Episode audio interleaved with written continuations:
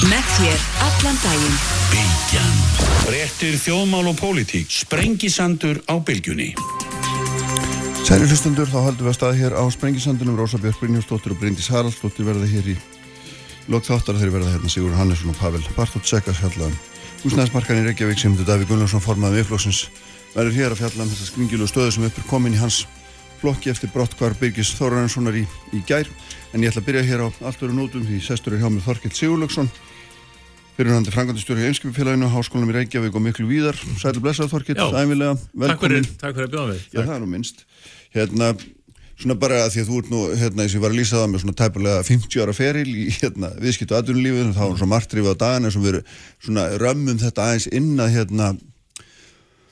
að, þá er, hefur verið alltaf tíð áhugavert að fylgjast með því hvernig þú ert að hugsa um framtíðina mm. og það er alltaf merkilegt að, að þú saði mér það í símanum að þú var enn að hugsa um árið 2050 þráttur að vera 68 ára þannig að það er hérna, það er engin bilbúður þér hvað þetta varðar og, og, og svona þess vegna finnst mér svona forvinnilegt eftir þessar kostningar og ég veit ekki að maður rammar þetta inn í COVID og lofslagsbreytingar og tæknibreitingar allt og svona hvað sko þú sagði þér hérna 1987 Uh, nei, þú varst með spátum 1987 í mokkanum sem var ótrúlega nákvæmur um framtíð, tölvutækni, samskiptatækni, staðsetningatækni, helbriðstækni, var alveg magnað að lesa þetta og svo varstu þarna 2015 og þá varstu að velta kannski aðalega upp því að sko, aðalkerfin okkar, mentakerfið, helbriðskerfið, þetta eru kerfið sem að myndu sko, taka mestum breytingum núna á, á næstu ár. Mm -hmm.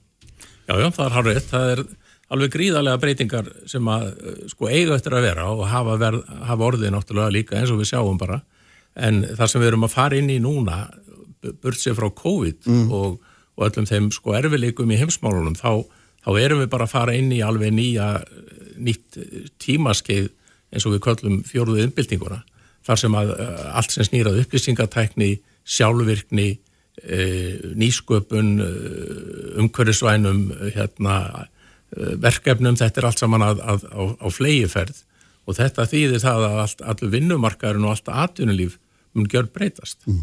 og með, það kalla líka að hafa breytingar í mentakerfinu, kallar á breytingar í heilbreyðiskerfinu, þetta er nú stærstu dýrustu og mikilvægastu kerfin okkar það er velferðarkerfið og, og mentakerfið og ég held að það verði mjög uh, sko brínt uh, við fengunum ekki mikla umræðu um mentakerfið í, í kostningabarninu, mjög lítið. En þetta er auðvitað kerfið sem að þarf að þarf að hérna, fylgja með þeirri þróun sem er að verða í, í heimsmálunum og Já. í mentamálu þjóðarinnar. Þú varst náttúrulega lengi í háskólum í Reykjavík og hérna svona á fyrstu árunum þar tóst þátt í að byggja þann skóla upp og, og, innlega þær breytingar sem að þá eru náttúrulega miklu meira áslá tæknimentun og, og fjálmarga greina sem við þekktum Já, lítið kannski úr þessum hefbundna háskólum hverju hér.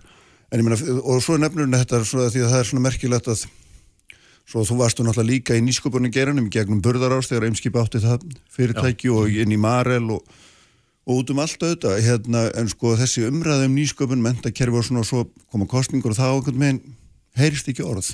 Já, kostningabarátan hún verðist það var snúist aldrei mikið um svona dægurmál og, og ég held að raunverulega engin flokkur var fullkomlega tilbúin í þessa kostningabarótu mm. en þeir sem stóðu sér best það eru þeir sem voru með góðar auðlýsingarstofur og náða að stilla upp skemmtilegu prógrami og það verður að segjast eins og er að bæði framsóknarflokkurinn og flokkur fólksins gerðu þetta virkilega vel uh, og uh, það sem umræðan snýrið svolítið um annað heldur en djúpa uh, umræðu þessum framtíð atvinnulífsins, mm. framtíð mentakerfis, einstakra atvinnugreina áhverju ætlum að lifa næstu 10, 20, 30 ári Já.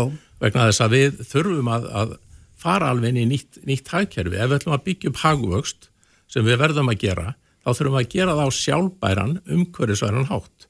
Vegna það er alltaf að vera að tala um að ef það er hagvöxtur mm. þá hljóti það að kalla á mengun og sóun auðvita en það er bara ekki rétt.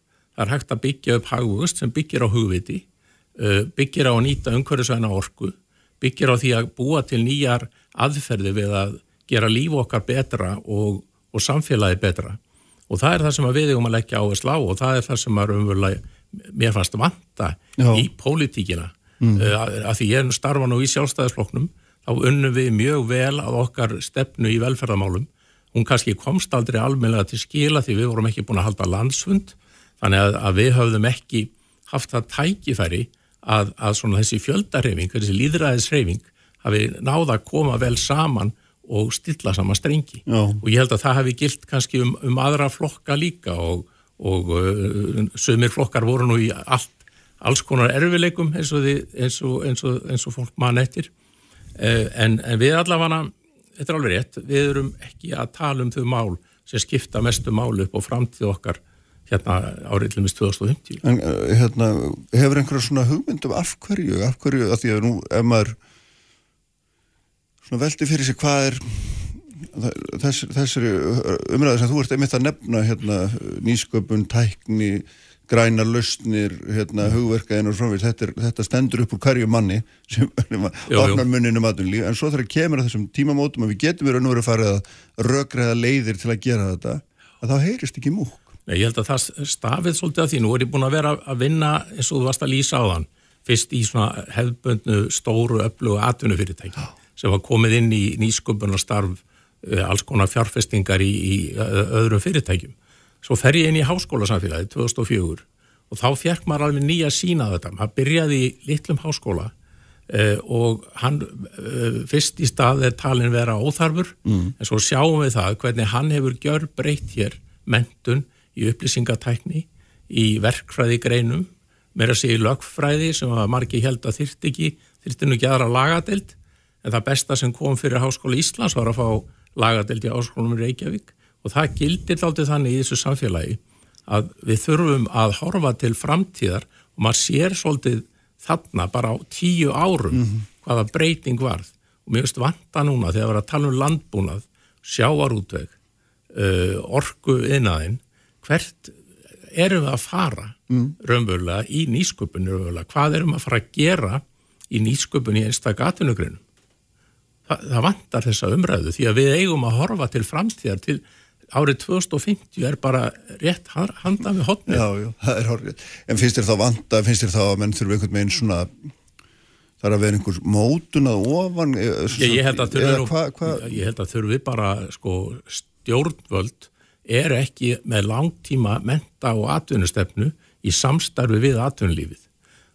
Það vantar. Háskólasamfélagið er ekki að vinna með atvinnulífinu að langtíma stefnumótun í þróun mentakerfisins.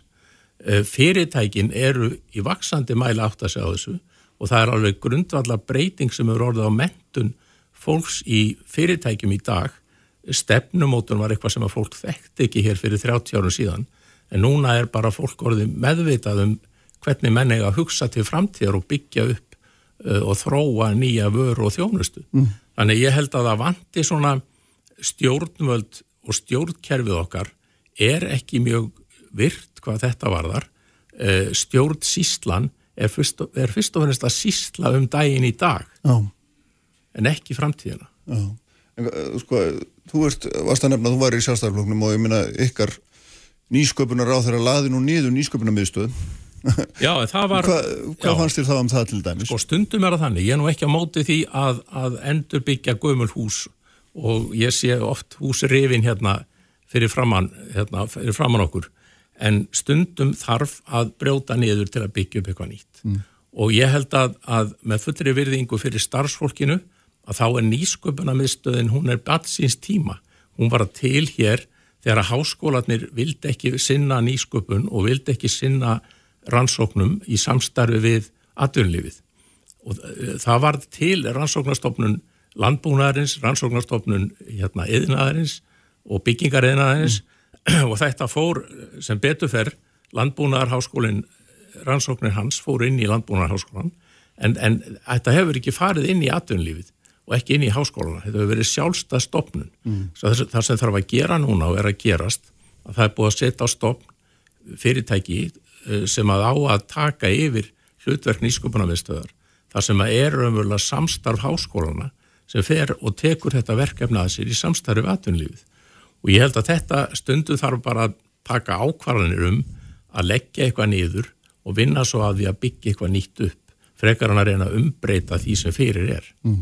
Mm. Það er það sem að nýsköpunar miðstöðun, það sem var gert með nýsköpunar miðstöðuna að raunverulega er búið að vera undibúið að það að leggja hana niður. En það auðvitað eftir að fjármagna og byggja upp þessa starfsemi En finnst þetta ekki það er- ótrúverðut svona það að það, það fjármagn er ekki til þegar mann taka ákvörðum Jú, að leggja það niður? er uh, eitthvað sem að þarf að koma inn í fjárveitingar næsta ás og næstu ára og það er alveg rétt. Það er einmitt það sem ég er að segja og var að segja á hann. Gallin við stjórnkerfið okkar og stjórnmálin hjá öllum flokkum er að horfa ekki nægilega mikið til framtíðar þannig að þegar það verður að leggja eitthvað niður, þegar verður að byggja eitthvað hvað ætla menn að gera, hvað vilja menn að verði orðið eftir 10-20 ár. Það vantar þessa framtíða sín. Já. Alveg rétt. Já, hérna, ég forvitin aðeins líka í, í tengsli með þetta, í tengsli við nýsköpununa og hérna, uh, svona, við getum kall fjárfesting í nýri tækni og, og hugviti og svo framvegis, að þú hefur verið mikill áhuga maður um byggingu nýspítala og Já. þarna og, og, og beittir mjög í því máli og, og ert alltaf í verðfællar nefnd sjálfstæðarflósin sem að tengist í máli þetta beint uh, og, og svona að því að sko þegar við ræðum heilbríðismál sem voru nú kannski eini málaflokkurinn sem var eitthvað rættur í þessar kostningabaróttu þá hérna, endaði svo umræði alltaf einhvern veginn í því hvað varu mörg rúm á einhverju gjörgjæslu Já. og svona varð mjög þröng og svona lítið, lítið hérna, upplýsandi fannst mér Meina, hva, hvernig kom þér þetta fyrir sjónir? Hvað finnst þér um þessar eilífu deilur um það hvort það eru nægir peningar og svo framvið sem þú er búin að skoða þessi málveri, ég veit að þú hefur verið með podcast þar sem þú hefur verið að tala við fjöldan allan læknum, Hva- hvernig, svona, hvernig horfir þetta við þér? Já, ég held að sko vandin við heilbreyðiskerfið er það að þetta eru mörg, e- margar eigur sem er ekki að tala saman og ekki að vinna saman. Það, er, það eru hérna hjógrunarheimilin, það eru spítalarnir, það er og þetta er ekki að vinna saman. Vandin til dæmis hjá landsspítalanum er meðal annars sá að það vantar að fjárfesta mun meira þar í innviðum og hvað á við með innviðum, það er ekki bara steipa og ný rúm og fleira fólk og hærri laun, það er bara allir mis upplýsingateknin og stafræna lausnir að það hefur verið vanrægt þannig að, að þessi lækna sem ég verið að tala við þeir segjast eigða 50-70% sínum tíma fyrir fram að tölvuskjáin í staðin fyrir að vera að tala við sjúklingin og þetta er vegna þess að upplýsingakerfin eru, eru þung og tæknir er ekki að vinna fyrir okkur heldur eru þeir að vinna fyrir tæknina. Og, og ég held að þarna séum við búin að vanrækja eins og víða þessa innviða uppbyggingu eh, sem við þurfum inn í fjórða, fjórða uppbyltinguna, við getum orðað svo, til þess að kostnaður við heilbyrðiskerfið hækki ekki og hækki ekki og hækki endalust. Og það er, held ég, vandamálinu og það er bara hárétt eins og Bjarni Benediktsson nefndi, hvað á að gera við þessa peninga, ef við viljum meiri pening, hvað viljum við fá út úr því? Og ég held að þurfa að spurja því núna, nú er Pál Mattíasson uh, að hætta sem, sem forstjóri þarna uh, og hann hefur bara staðið sér mjög vel á þessum erfiðu tímum. En það er mjög eðlegt að hann líti svo á núna að það þurfa að söðla um, það kemur ný ríkistjórn og eflust vill hún koma með nýja, nýja stefnu og þá er eitthvað nýr sem tekur við því. Og ég held að þarna séu mikil tækifæri og stefna okkar til með sér velferðamálum hún var mjög skýr, hún snerist um fimm atriði, það var að, að leggja miklu meira áherslu á geðheilbriðismálinn til dæmis. Við ætlum að leggja miklu meira áherslu á breyta Geðheilbriðismáli á geðspítala sem glemdist inn í já, allri byggingunni. Já, geð, það, það er ekkit stór mál að byggja að samliða í takt við nútíma þarfir en ekki eins og það voru fyrir áratugum síðan. Og það þarf að- að leggja líka áherslu á að breyta þessu almannatryggingakerfi þar sem öryrkjar og eldri borgarar hafa orðið út undan eh, vegna þess að, að þetta er ekkit stór hópur sem er í vanda. En hann, hann, hann týnist inn í floknu, óskilvirku ógjagsæju kerfi sem að tekur ekki utan þá sem þurfa á þessu að halda. Síðan þarf að leggja miklu meira áherslu á að nýta enga framtak með ofnbjörnurrekstri, þetta vinni saman. Ég held að menn hafi nú verið að átta sig á því núna og á byðlistar þetta er náttúrulega bara þjóðaskömm að vera með byðlista og þetta þurfum við og viljum leggja áherslu á. Og svo er það þessi nýsköpun, þessi upplýsingatækni og breyting í uh, heilbreyðiskerfinu vegna þess að það eru miklu möguleika í útflutningi af þessari þekkingu. Við sjáum hvað þessi fyrirtæki er að gera í dag sem eru núna að sinna þessu, hvort sem það er Kerasis eða Kontrolant eða önnu fyrirtæki, að það bara eru komnir týjir eða hundru starfsmanna sem er að sinna verkefnum tengt heilbreyðisgeranum mm. og við eigum alveg gríðarlega tækifæri að gera heilbreyðistækni og heilbreyðismál að útflutningsvöru. Sjáu þið livja fyrirtækinu og, og fyrirtæki sem eru að sinna þessum, þessum greinum. Þannig að ég held að við höfum að tengja saman að heilbreyðiskerfið á ekki bara að vera útgjaldaliður eitthvað sem við erum að slást við að að það er svo dýr heldur spít, landsbítalinn og þeir sem er að vinna í þessu kerfi eiga að líta það sem sitt hlutverk að gera líka úr þessu verðmæti til útflutnings. Og þetta er þarna bara dæmigert eins og Pál Mattiasson nefndi, hann saði það hefur verið vanrægt, það hefur ekki verið til fjármunir til þess að sinna rannsóknum og nýsköpun í heilbyrðisgeranum og við hefum dreyist aftur úr öðrum þjóðum hvað var það rannsóknir og nýsköpun mm -hmm. í heilbyrðismálu voru þar í fremstu röð. Þetta náttúrulega gengur ekki og vegna þess að þarf að að vera að tala um að setja meiri fjármunin í kerfið þá að skilgrina á hvaða sviðum það er. Já. En það sem þú ert að lýsa eins og byggðlistagsíðu þjóðarskömm og það er hérna vanti fjármún, ég meina þú ert í flokki sem hefur haldið um fjármúnröðandið sko nálast ósliti í 20 ár skilur þannig, Já, að það, það... þannig að það er nú hérna þú þarfst að snúaði við og, og, og hérna aðeins að, að lesa yfir þínu mönnum Ég, ég hef gert það og Já. við höfum rætt þetta og það er uh, mikil sko viðhorsbreyting á afstöðu sjálfstæðisflokksins til velferðamála og heilbreyðismála. Ég heyrði nú það bara Bjarni nefndi það í kostningabaratunni að, að sjálfstæðisflokkurinn hefði mikil áhuga á heilbreyðismálum og heilbreyðisanöndinu og ég held að það sé ekki vegna þess að það er að, að fara að skera það niður eða, eða draga saman og, og, og eitthvað slíkt heldur að spýta í og gera betur. Að gera það þannig að við leysum þau vandamál sem eru til staðar. Og, og það er alveg rétt að fjármáranandi hefur haldið á þessu en þá voru að hafa það í huga að þetta er samt hjá heilbriðis ráðuneytinu. Já, já, en heilbriðisráðandi gerir nú ekki meira heldur en nei. leifa Akkurat, en það er bara það sem þarf að vinna saman og þetta er það sem að vandin í stefnumótun í stjó, uh, og þess vegna stjórnar sáttmáli og stefnumótun þegar að menn er að mynda ríkistjórn eða núna framhald af því reyri ríkistjórn sem er í dag þá verða menn að eigða góðum tími í það að velta því fyrir sér hvert erum við að fara. Mhm, En ertu bjart hérna að það komi einhver slík stefnumótun út núna? Ég meina, held að það hafi Þú síðast ert að lýsa stjórnsýslu sem þeir eftir að svona Já. óstarfhæfa þessu Já. leitinu allavega og, hérna, og, og kerfi sem að svona hugsa lítið framtíðar. Finnst þér, er, er einhver svona sérð eitthvað í spílunum með það að við Já, mér finnst að þetta hafa, að hugsa mér finnst um þetta þetta hafa meira? lagast. Mér finnst þetta hafa, eh, síðasti stjórnarsáttmáli var ágætur og honum var fyllt að mörguleiti og ég held að þetta eh, svona stjórnarsáttmála sem eru eins og, eins og síðasti,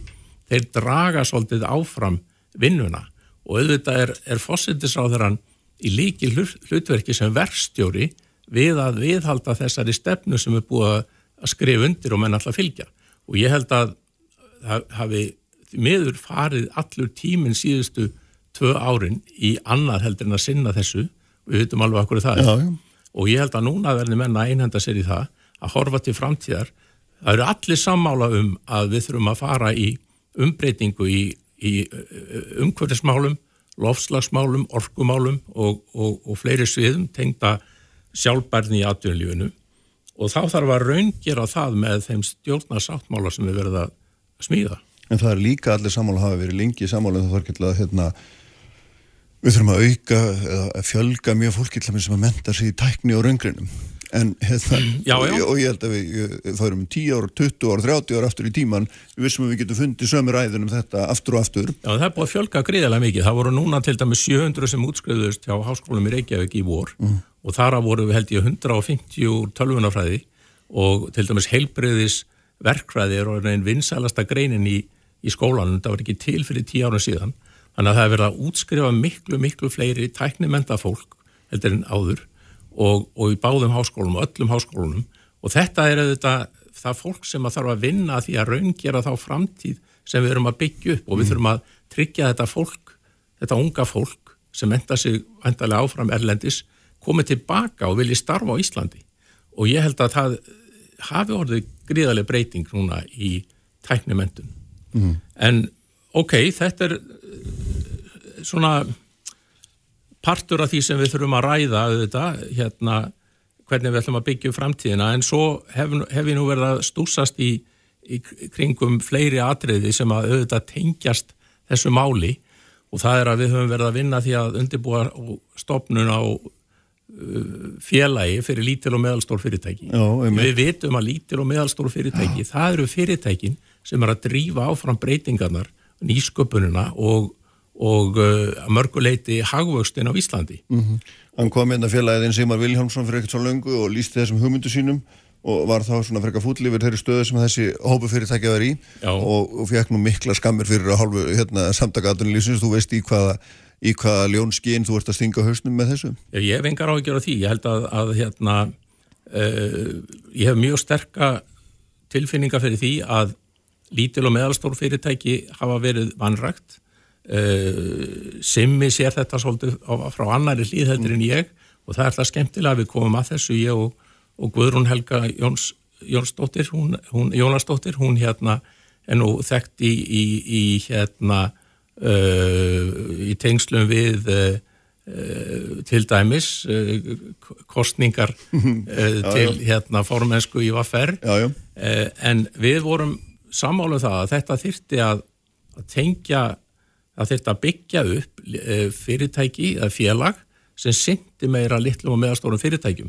Og það væri eða þrýr þættir, það var að bæði að sinna þessu uh, regluverki, það þurft að byggja upp sangjarnara regluverk, það þurft að vinna því að bæta aðgengi að fjármagni og byggja upp hagstæðara hérna, fjármagnunar umhverfi og svo þurft að horfa til kjaramála þessara lítilla mm. og meðalstóru en, fyrirtækja. En þú ert að segja okkur það að samtök aðunlýsa sér þínum að þið hafi Já, ekki synd þessu nú einlega verið eða hvað?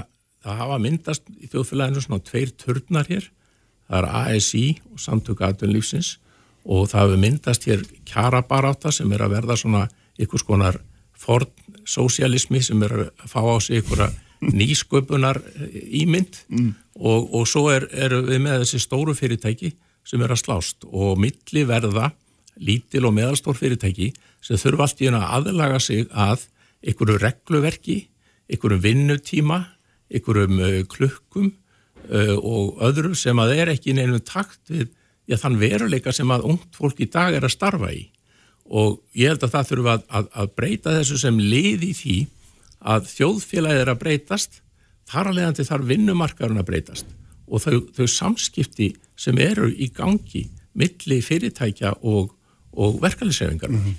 Þannig ég held að það sé bara þetta sé verið. Ég held að ASI hafi hafnað því bara reynd út að tala við ykkur. Auðvitað hafnaði því. Þeir Já. vilja halda þessu í gamla farinu. Uh -huh. En við þurfum að reyna að brjótast út úr þessu. Það er það sem við ætlum að reyna að gera og ég held að það sé bara nákvæmlega það sama og gerðist þegar að háskólasamfélagi breytist og margt hefur verið að breytast í þjóðfélaginu að vinnumarkaðinu þarf að breytast. Ef við getum lagt eitthvað að mörgum mhm. -huh. og fengi lítil og meðalstór fyrirtæki í liðum með okkur, þá er ég vissum það að við getum haft mikil áhrif á, uh, á, á vinnumarka Þú ert að tala þá um einhvers svona hugmyndum miklu sveianleiri hérna, vinnumarka heldur en við erum að upplifa þetta eða, eða, skiljið það ekki rétt eða hvað Jú, jú, þeir sem vinna hérna, fjölmiðlun til dæmis hvað hefur nú breyst fjölmiðlun hérna til dæmis þú, þú vinnir nú ekki nákvæmlega eins og þú gerðir hérna frá 9-5 ykkur staðar þannig að það eru bara breytið tímar og, og vinnumarkaðurinn og allt atvinnlífið er að breytast um, Nú er ég ekki að gera lítið úr því sem að samtök atvinnlífsins og yðnaðarins og og félagi fyrirtækja í, í hérna uh, ferðarþjónustu. Ég bara segja, við viljum koma með þessa viðbútarödd inn í þennan hóp og vinna með þeim. Ef ASI og SA finnst þetta eitthvað að vinna gegn þeim eða anstöðu við þá, þá er það bara miskilingur. Mm -hmm. Og þarna eiga menn bara að vinna saman og, og þetta er ekki verið að setja þetta til höfus ykkur, ykkur um En það er samtökum. til annað atvinnureganda félag sem heitir félag atvinnureganda ef mann rétt Já, já, það er uh, tiltöla lítið félag sem já, að sinni þarna ákveðnum. Kannski 200. Já, meina. Er, þið, er það, passar það ykkur ekki? Það, það er bara ekkit félag sem er akkurat hugsað nákvæmlega með sama hætt. Mm, Þetta byggir á, á félagi hérna, stórkvöpmana sem breytist. Við vorum að tala aður um nýskupunarmistuð. Sko stundu þarf að brjóta bara eitthvað niður og byrja upp á nýtt.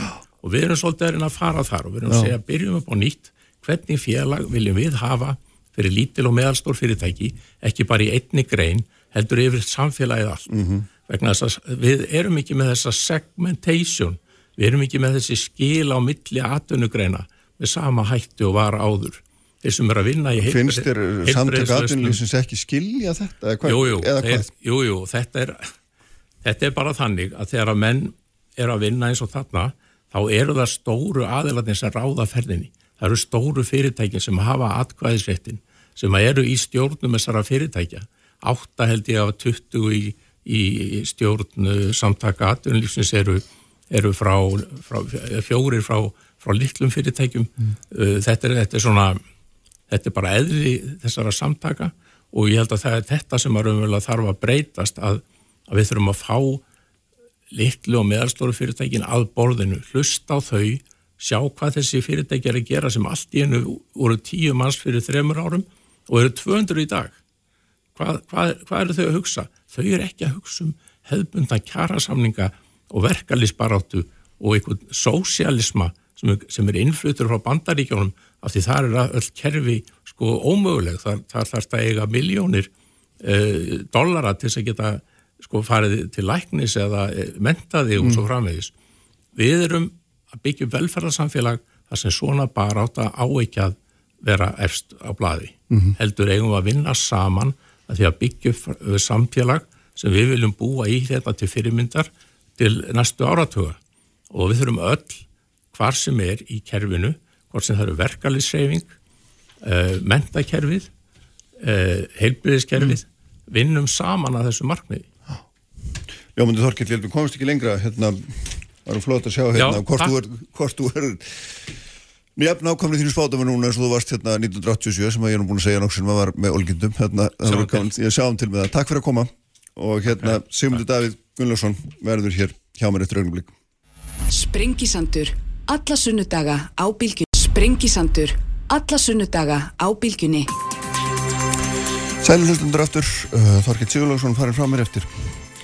Eftir svona, eftir sín hans eftir við fengum hérna sín hans svona á framtíðina. Hann hefur auðvitað verið að hugsa um þess máli ára tugi og hérna mjög frólægt að sjá hvernig hann veldi fyrir sér, fyrir sér því hvernig svona, hverju hver nánasta framtíð er að skila okkur og hvað við þurfum að, að grípa til, eða til hvað aðgerða við þurfum að grípa bæði atvinnu og, og viðskiptalífi og svona þjóðlífinu almennt, velfærakerfinu uh, sérstaklega þá. Nú þar verða hérna Rósabjörg Brynjólfsdóttir og Bryndís Haraldsdóttir í logþáttanins, hérna verða líka Sigurdur Hannesson og, og Pavel Bartótsek á eftir en sestur í hjá mig formaði miðflóksins Simundur Davíð Gunnlaugsson Sæl blessaður, velkomin. Takk, blessaður.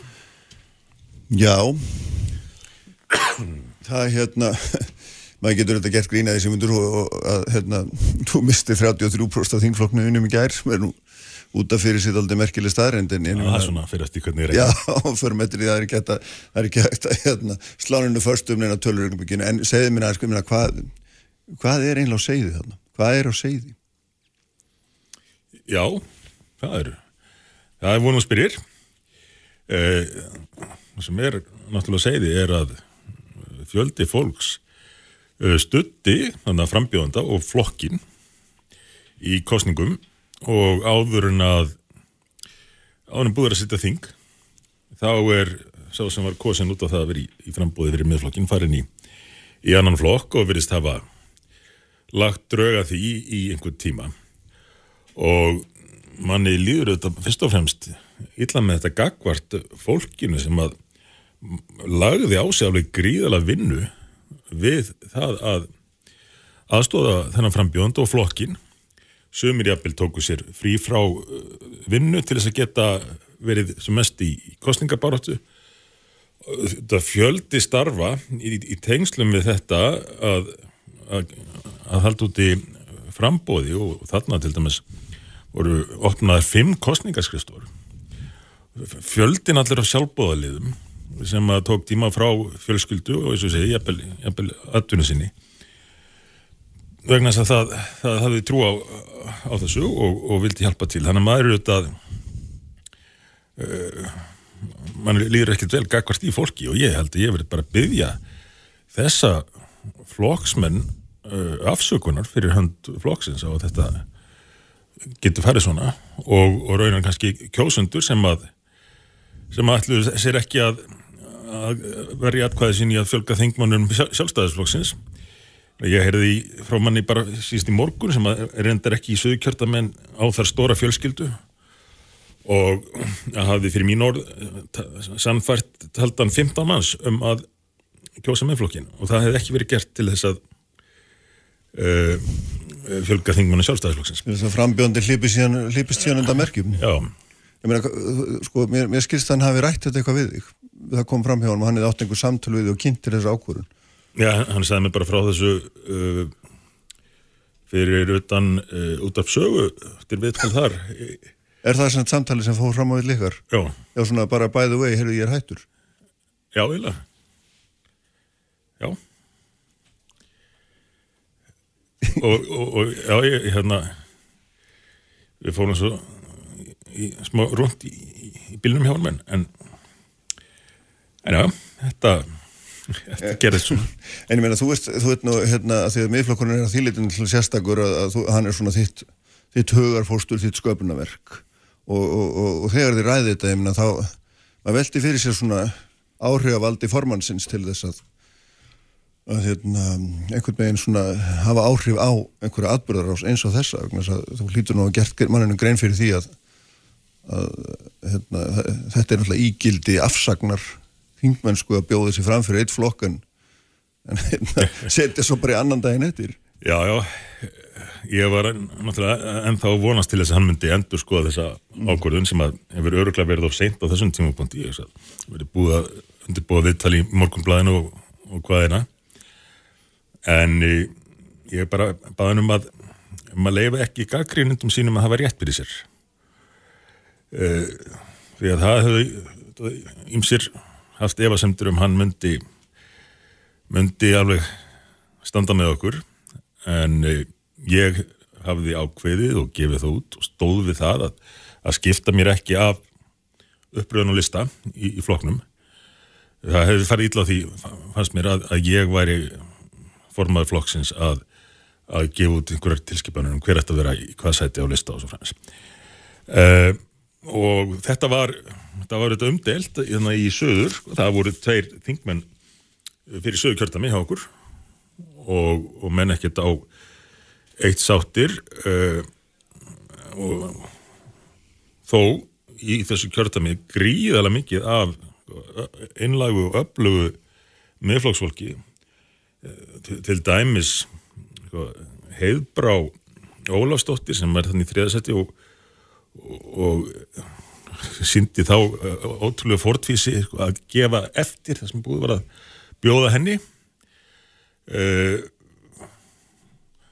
hún og, og maðurinn til dæmis í, í, fjórðasettinu Guðni Hjörlefsson uh, tók sér frí frá vinnu og var að allan tíman rak mm. flotta kostningaskristu í Vestmanægum og svona og, og svo er þessu bara skellt uh, framann í þau og okkur öll áður að búið að setja þing Þetta er náttúrulega, þetta er ekki gott. Nei, þetta er ekki gott og þetta er svona, hérna, en minna, þú, þú svona, að því að, mér fannst nú einhvern veginn á Birgi gera að, að hann hefði ekki ákveðið þetta fyrir kostningar einhvern veginn, ekki endanlega minnstakosti, gert þetta uppvísi eftir kostningar og, og vísar aftur í þryggjára gamalt mál sem ég veit að, og við förum ekki óni hér en ég veit að þetta var einhver erfitt en ég minna, En þú gefur náttúrulega ekki mikið fyrir þessar skýringar hefur ég séð líka. Nei, nei, auðvitað ekki. Ég held að það gerir það allar margir. En, en hvað hva, hva, hva, er eftir hjá ykkur innan þeirra að ræða í þessu samingi? Var, var honum einhvern veginn ítt til hlýðar af því að hann... Uh, hérna... Nei, nei, ég meina, Birgir náttúrulega hefur gengt yngsum mikilvægum hlutverkum hjá okkur. Hann fekk að sinna alþjóðastarfi Uh, sem hann hefur mikið náhuga á meira en, en, en átti, hann átti kannski rétt á út á, út á sæti í, í nefndum eða slíkt hann var, var litka til með það að hann geti farið í slíkt hann, hann var með okkur í, í stórum uh, málum og stóð sér til dæmis bara gríðala vel í, í því að verjast orkupakkanum í þeirri löngu og miklu umræðu og tók ímsa svona slægi með, með okkur sem við vorum bara eitt eitt lið mm. og, og hann gaggrindi nú ofta tíðum og mikið sjálfstæðisflokkin stundum stundum þóttum hann í nógum jafnvel hvernig hann hvernig hann talaði í, í þingraðum í, í garð þess flokks og annara en, en allt í hennu núna þá Já, er, er greinlega breytt við þóttu sjálfstæðisflokksins, mm. maður lítur þó að þýða það að sjálfstæðisflokkurinn er allir einhvern veginn að laga sig að Birgir Þóransinni. Já, við möttum að sjá það, en, minna, en þú ert samt að segja með það að það hefur, það var einhver svona, eitthvað, eitthvað kröymaði þarna undir og hefur gert að þú segir að hann var með okkur eins og það sé svona hafi verið eitthvað sérstaklega aðrið, maður ímynda sér bara þing menn séu bara alltaf með og það þurfa ekki að taka það sérstaklega fram og, Já, nei, og einhver nei, átök hafi verið um uppstillinguna, ég meina það hefur eitthvað verið á segði þarna eða hvað? Ég, ég, nei, ég nú bara segja þetta eitthvað í samengi við þessu atbyrðan núna, Já, hann var með já, okkur já. Þá. Og, uh, og það var engin, mér fannst það ekki drundalegt sko, það var ekki, ekki óvænt að hann væri með okkur í, í slagnum, þingflokkurinn var mjög samheldin, mjög samheldin og skemmtilegur hópur. Og uh, ég hafði engar ágjör af því að að uh, Birgir var einhvað sér á parti eh, eins og ég segi, ég meina, hann fekk fekk ímislegt sem hann hafði áhuga á. Og, eh, og stóð sér vel líka þegar að, þegar að voru miklar umræður. En eh, en það verður áhvert að sjá hvaða pólitísku afleðingar þetta hefur, hvernig sjálfstæðisflokkurinn mun mótast Já, en þú, þú segir að Í framhaldi af miðflokk- þessu. já, já, en þú segir líka að miðflokkunni sé sterkur á Suðurlandi þessi margt fólk sem hafi unnið þar Já. mikla vinnu, en svo kemur við ljósar það ekki að, að vara þingmaðurinn Erna Bjarnadóttir Mm. uh, hún verðist alltaf að fylgja fornami Birgis Já, er, er, er það ekki, ég minnst þú stíli að hann svo ég veðri vaka allavega Hann lit svo í verið vaka, skulum sjá til hvernig, hvernig það fer. Það þætti mér reyndar bísna sérstætt með við pólitíska afstöðu Ernu Bjarnadóttur til þessa og afstöðu til sjálfstæðisflokksins. En það gerist margt skrítið í pólitíkinni þessar dagana. Það væri náttúrulega mjög leðilegt til dæmis eins og gagvart heiðbrá sko, sem, sem gaf sjálf vilju eftir sætið sitt sem að það var búið að bjóðinni. Uh, þannig að þetta væri náttúrulega, það væri hræðilega framkoma gagvart henni og, og, og, og þetta brot hvað Birgis Birgis er það finnst mér. En- en uh, en þetta samt svo, svo komum nú aftur að því sko, þetta, þetta allt saman hlýtur að hafa einhverja pólitíska þýðingu eða er sjálfstæðisflokkurinn bara í þessu til að eins og reynda þeir ætluðu sér að gera. Þeir, þeir hérna sem voru að plotta þetta þeir töldu, með þessu var þeir búin að koma í veg fyrir að við getum stopnað þingflokk. Og, og það virkulega eh, hafði áhrif á þessa tímasetningu.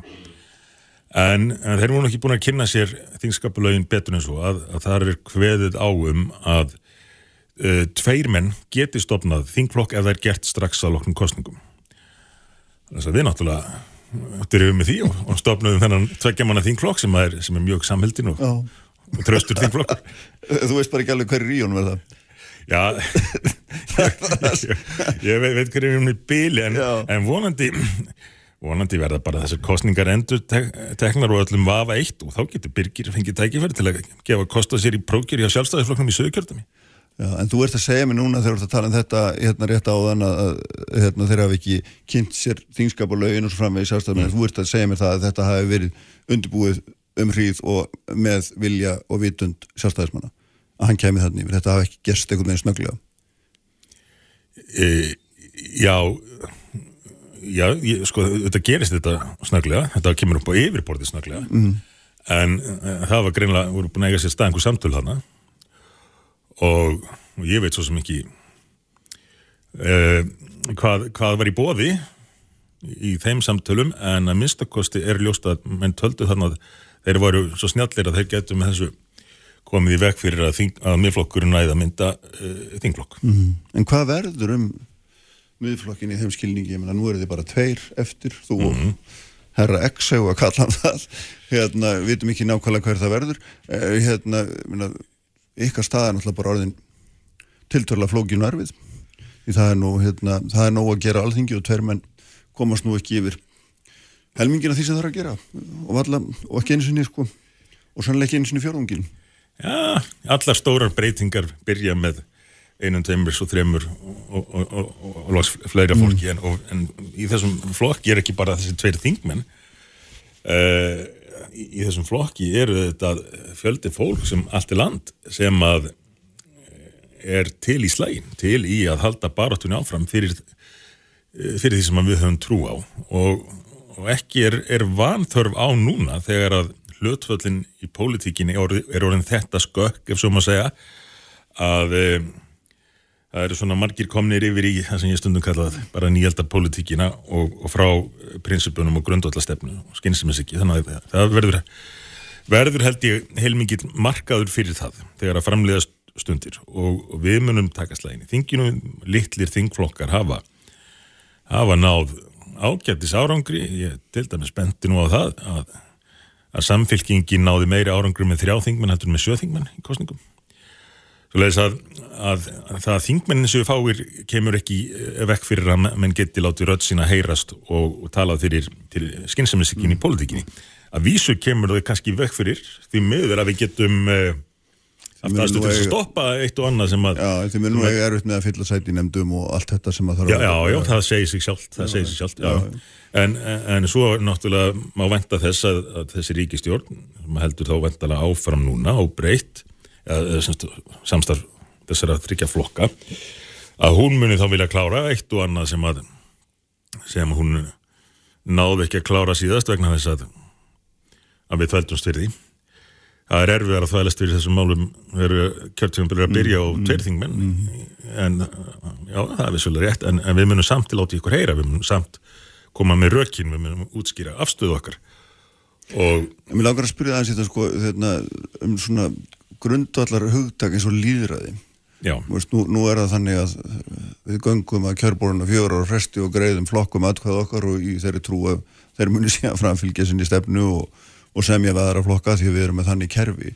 Og, og hérna, ég meina hvers konar skilningur er þetta á líðræði að þínum aði að hérna það sem þarna fer fram? Já, já. Að Þú veist, þú hlýtur að hafa rætt þetta, þessi grundvallar atriði við þinn flokksmann þegar hann lýsir þessu yfir og bentunum á að þetta, að ég mynda mér þú hljótur að hafa gert það. Já, já, að því marki sem var, var hægt að ræða grundvallar gildi líðræðisins í þessum bildur. en uh, þetta er alveg rétt, sko, þetta, þetta vekur spurninganum það. Við erum, sáttur allt með kerfið sem byggist á, á flokkum og, og, og reynda að jafna atkvæði uh, út frá kostningu flokka uh, og fyrir þetta geta treyst í að frambjóðundur uh, sé ekki að siglundi fölsku flaggi. Þeir séu raunverulega hluti af þeim hópi, þeim flokki sem að viðkomandi kjósandi þá veitir atkvæði sér, treystir fyrir atkvæði sínum og auðvitað getur það gerst að það komi upp pólitískur ágæringurinn á flokka. Og auðvitað séu mörg, mörg dæmi þá undanförnum árum að fólk hefur farið með flokka. En það hefur þó gerst í, í framaldi af e, einhverjum uppákomum, einhverjum pólitískum ágæringi en það, það auðvitað ekki við þessu tilviki þegar það var ekki einu sem búið að ná að halda þinglósund, ekki búið að setja alþingi menn ekki konum með kjörbrifið Uh, og það, það er, finnst mér ekki góð framkoma hvert kjósandum sem að hafa nú mátt þóla finnst mér reyndar eins og mér hefur nú orðið aldrei týrættum slæma framkomu af halvu stjórnmálamanna sem er alltaf að gefa, gefa frá sér valdið, lofandi öllum mögulegu uh, fyrir kostningar uh, gerandi svo ekkert með þau fyrirheit látandi stjórnkerfið um að stjórna en, en haldandi bara aldandi bara sjálfur í stólana. Þetta er vannvirðing hvert kjósundum og hvað maður þá segja um það að, að fara í kostningabaróttum til fölsku flaggi. Það er ekki, það er ekki gott hvert kjósundum sem eru yfirmenn okkar, stjórnmálamanna og grundullur líðræðisins. Líðræði virkar ekki nema nema í fyrsta lagi að stjórnmálamenn ætlir að standa við þess að lofa uh, gefið þannig kjósundum raunverulegt val en uh, það virkar ekki heldur auðljóslega ef að ef mann fá einhvað allt annað heldur en heldur að kjósa þetta er bara svo þetta er bara svo skrítið allt saman Já, en þegar, þegar maður svona leggur þetta eitthvað með einn saman kostningabortuna hjá ykkur uh, niðurstöðuna og svo þetta þá hérna, verður maður auðvitað getur maður ekki annað en dreigð þá alveg að miðflokkurinn sé í alvarleiri krísum Nei, ég, ég, nú ætla ég að leiða mér að vera ósamlega þó ég hef tekið undir í, í, í ímsar ágjörðina hérna í þettinum. Já, já, góði, uh, gerur svo vel. miðflokkurinn er vel stendur það sem að ég hef fólki. Fylgisrýr, Sigmundur og, og, Já, hérna, já. og fámennu núna inn á þingi Já, við það. já. Við vorum að tala, um- tala um það og það svona, getur sett ákveðin strik í reikningin en engu að síður kemur ekki veg fyrir að, að þessi rödd okkar heyrist áfram og getur þýtt auki stöðningur í næstu kostningum eins og, eins og dæmin sanna. Uh, en andin í flokknum, meðal flokksmanna, jafnvel sko, flokksmanna sem hafa voruð auðvitað fyrir gríðalegum vonbriðum í sögkjartami, fundi gær, uh, andin þar er þessi, við berjumst áfram. Þetta markar bara nýtt uppað fyrir okkur uh, og það er auðvitað gaman að skinja það. Þetta er, þetta er mjög seikt fólk í, í þessum uh, flokki og, og menn þurfa að vera það til þess að ná árangri í, í pólitík uh, geta þólað mótlæti.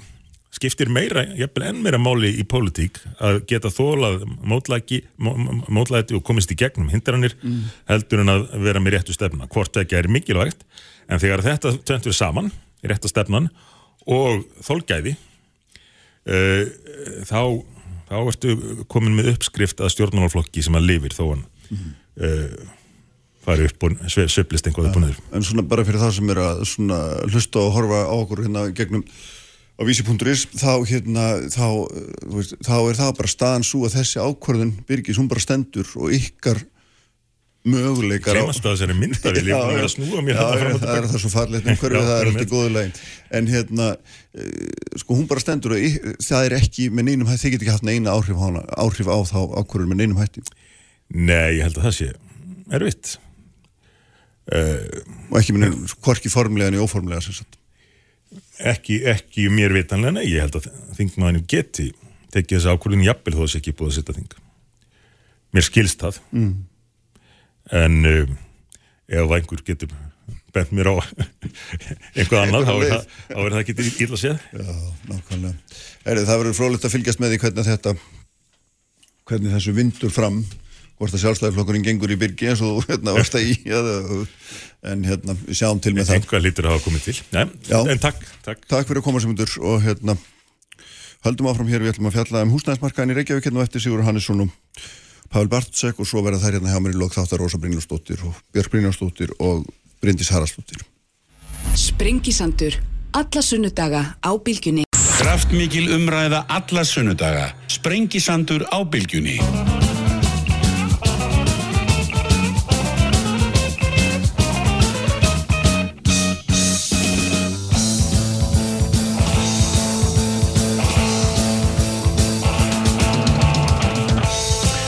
Sælir aftur hlustendur, Sjömyndu Daví Gunnarsson farmaði miðflokksins farin frá mér eftir lýsingu hans á atbyrður ásinu sem orðið hefur eftir að þingflokkurinn minkaði úr fremur í tvo. Áður en að þing var sett, það var nú hvorki meirinni minna. Ég, ég ætla að ræða hér við þær þingunur eftir. Þær Bryndísi Haraldsdóttur og uh, Rósi Björn Brynjarsdóttur. En sestur eru hjá mér Pér Sigur Hannesson sem er frangatisverið samtaka innan og Pavel Bartsek sem er þetta borgarfulltrúi. Sæli báðir, velkomnir Takk, Ælir, takk. menn voru að gera grína því að ég hef verið svo vittlis að búa tvo starffræðingar til að tala saman um tölur. Þetta verður á, hlustunum verður gríðaleg. Já, Ég get spáð já, já, þú mátt ekki sjá eftir þessu. Nei, ég er algjörlega, hérna, algjörlega klára á því. Ég mun ekki gera það. Sko, við langar að ræða við ykkur um íbúðamarkaðin í, í Reykjavík þess að því hafið aðeins verið að skiptast á skoðunum um hvort að hérna, verið sé að setja á honum ný met í uppbyggingu eða hvort að hérna, það er því sem fyrir upptvarið og, og, og það sem er alltaf svona ef maður reynir að setja þetta aðeins í víðara samengi líka vegna það er áhugavert er að, er að Samkvæmt Sælabankanum og Hætteitt Landsbankans og fleiri þá eru þetta húsnæðismarkaðurinn þar sem knýr áfram núna verbulgu og gerir að verkum að Sælabankin hækkar vexti til þess að halda aftur af, af hérna, einhvers konar þæslu og, og hérna, útlánum og, og þannig að þetta er markaður sem að þessu litinni skiptir gríðalegu máli fyrir svona framtíða þróununa núna allavega næstu mánuði hérna á, á efnarsviðinu og, og Pavel þá er hérna mjög hort til þess að og samtöku innanins hafa gaggrind ykkur og margir aðrir nefndar aðrir fyrir það sé ekki nægilegt frambúða lóðum í Reykjavík og það sé það sem er að knýja áfram þessa efnaðarstróun sem ég er að, að nefna Mitt. og þarna Og, og hvernig ég því? Já, ég hef bara áhuga að vita það vegna að þarna að við tölum, við teljum þið teljið húsnæði fullbyggt, hálfbyggt og einhverju byggingastífum með ólíkum hætti Já, já. en svo er bara hitt líka það, er, það skiptir líka máli að það sé hægt að byggja og, og hvað er hægt að byggja og hvort þetta passi við íbúð og þróun og svo leiðis og þess vegna hef ég áhuga að vita, já, nákvæmlega. Við langar kannski bara að segja það sem ég hef sagt sko að uh, þetta gerir þetta að tæla hluti með ólíkum hætti en það er bara, svo það sé setja ákveðin samíki, það er staðreind að undanfærin ár hafa verið met ár hvað varður uppbyggingu íbúða á Íslandi, á höfuborgsvæðinu í Reykjavík og það þarf ekki sko einhvern veginn ef menn eru sko, hérna veit ekki hvorum okkur að trúa, þá er bara að sko að gögnum á hagstofunni sem staðfesta þetta. Í fyrra voru fullkláraðar á Íslandi 3800 íbúðir á landinu öllu og 2500 á höfuborgarsvæðinu Sko ef að Og- tölur hagstofunum væru í lægi þá þyrftum við ekki verið að Nei, telja en, þróunin er samt enga síður Mhm. veist, þessu, ég held, að, sko, ég held að við ég allavega deili ekki á tölur samtaka yðnaðinis og ég ætla ekki alltaf fram að þau fari með rámt mál eins og ég hef aðeins verið sakar af, Um, þeim, af þeim, en við erum bara aðeins að tala um aðeins ólíka hluti. Ég er að tala um það sem, ég tók samningum að þessi ekki á appelsinu, heldur epli á tré og epli í körfu.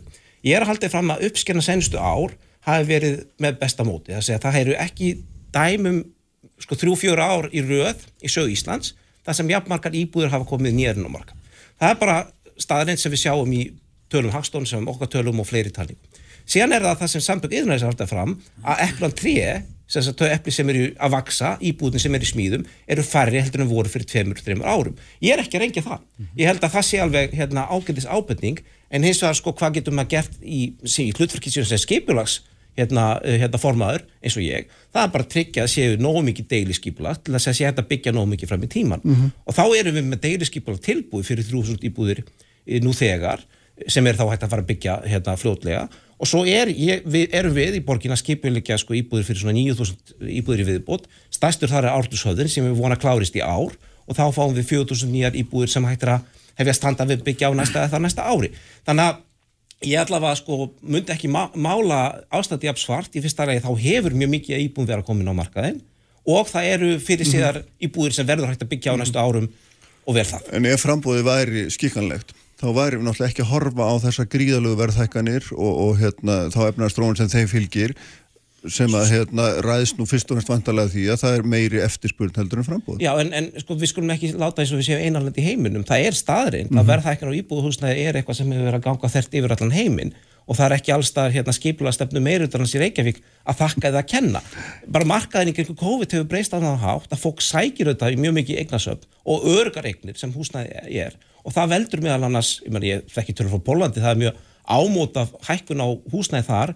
Ekki er einhvern veginn skipalastefna svo sama. Þannig að það er líka ákveðin þróun en eina leiðin til að bregðast við þessu, ég held að við séum við marka sinna sem ég myndi að ég og Sigurum veru er einfallega að fjölga íbúðin á, á, markaði. Mm. Áhersla samtaka innans hefur verið á lóðir. Við getum aðeins, ég kannski gef þeim aðeins færa á að skýra það út en þetta er bara aðeins ólík aðskipalastefna sko við þekkjum það aðeins, aðskipnur í Reykjavík hefur verið með ákveðum hætti. Hún hefur verið áhersla það þetta byggð og leggja áherslu á að styrkja byggð á grónusfæðum en svo eru aðri sem hafa þá skoðun að það eigi frekar að brjóta nýtt land undir ný íbúðatverfi Já, og byggja þar mikið mikið íbúð. Fjörður, Ég vil nú þakka Pavel fyrir að tækifæri fyrir, að- fyrir að fá að skýra út okkar afstöðu því að það er nú ekki, ekki allir í meiri hlutanum sem að gefa okkur tækifæri til þess og, og tólka sína niðurstöðu sjálf eins og frækt var í vikunni en allt er góð með það.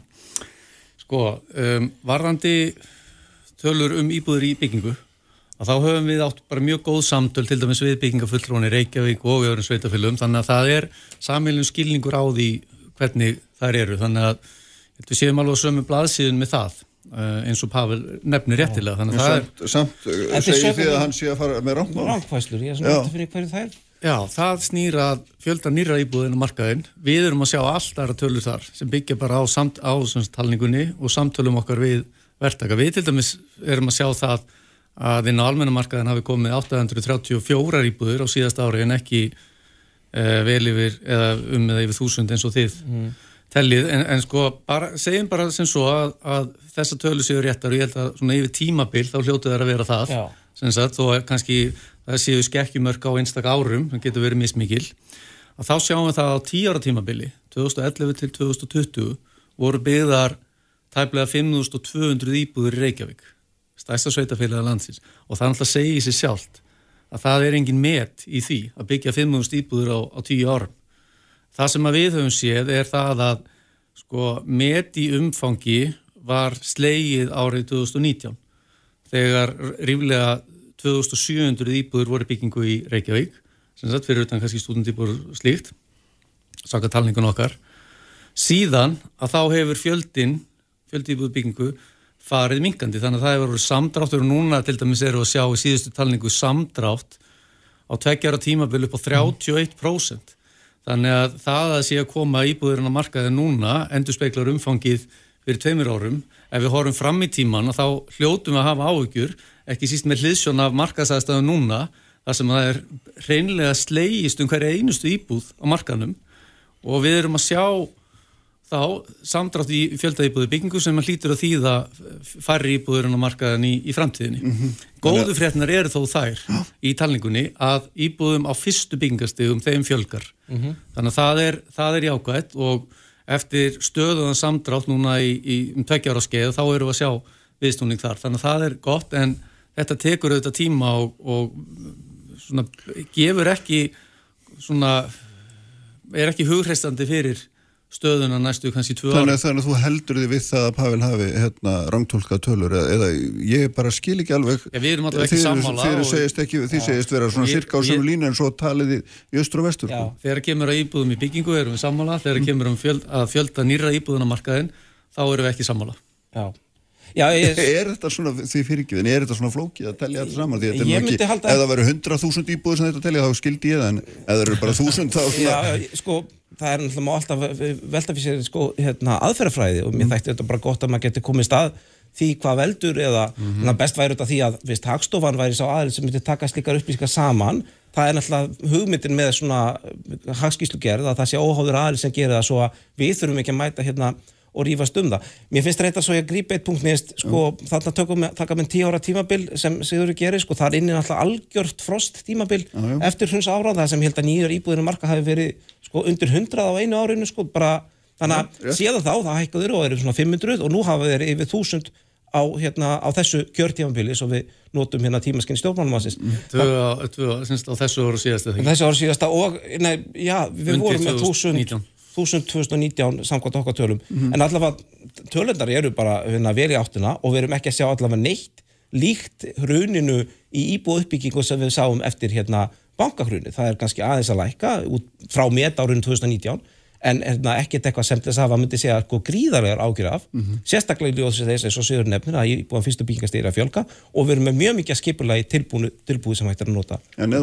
þú skoðar þetta í, í samræmi við efnaðstrónu, við fastegnaverði þá myndur þá ekki fallast á að það hefði, hérna, hefði þurft að vera meira frambóð íbúð Ég minna við höfum byggt allavega, er, við höfum allavega ekki byggt minna á þessu tímabili heldur um höfum gert nokk tíma fyrr. Mm. Ég meina ef að menn sjá sko skipulans... En það var náttúrulega uppsöfnið þörpa, vel, er, Já, er það ekki? Ég meina þú, þú er sjálfur að lýsa því á þann. Það, það, það það hefur verið uppsöfnið þörpa, en ég bara segja, ef menn sjá skipulashugmyndir nýjönda áratunnsins í hillingum, mm. þá alltaf gekk okkur ekki betur að byggja margar íbúðir yfir margar á tímabil þá. Sko, met árið held ég þar á undan þessum ára var 1982, þar náðist að byggja yfir þúsund nýjar íbúðir í Reykjavík, að öðru leiti eru þau ekki mörg sem það var og nú höfum við náð því 2-3 ári rauð. Mm -hmm. Þannig ef að gaggrinu svo að skipularskömyndur okkar hamla uppbyggingu íbúða, þá er ekki það sjá á tölunum að því að við höfum aldrei í söguborgarinnar byggt upp jafn mikið nýju húsnæði.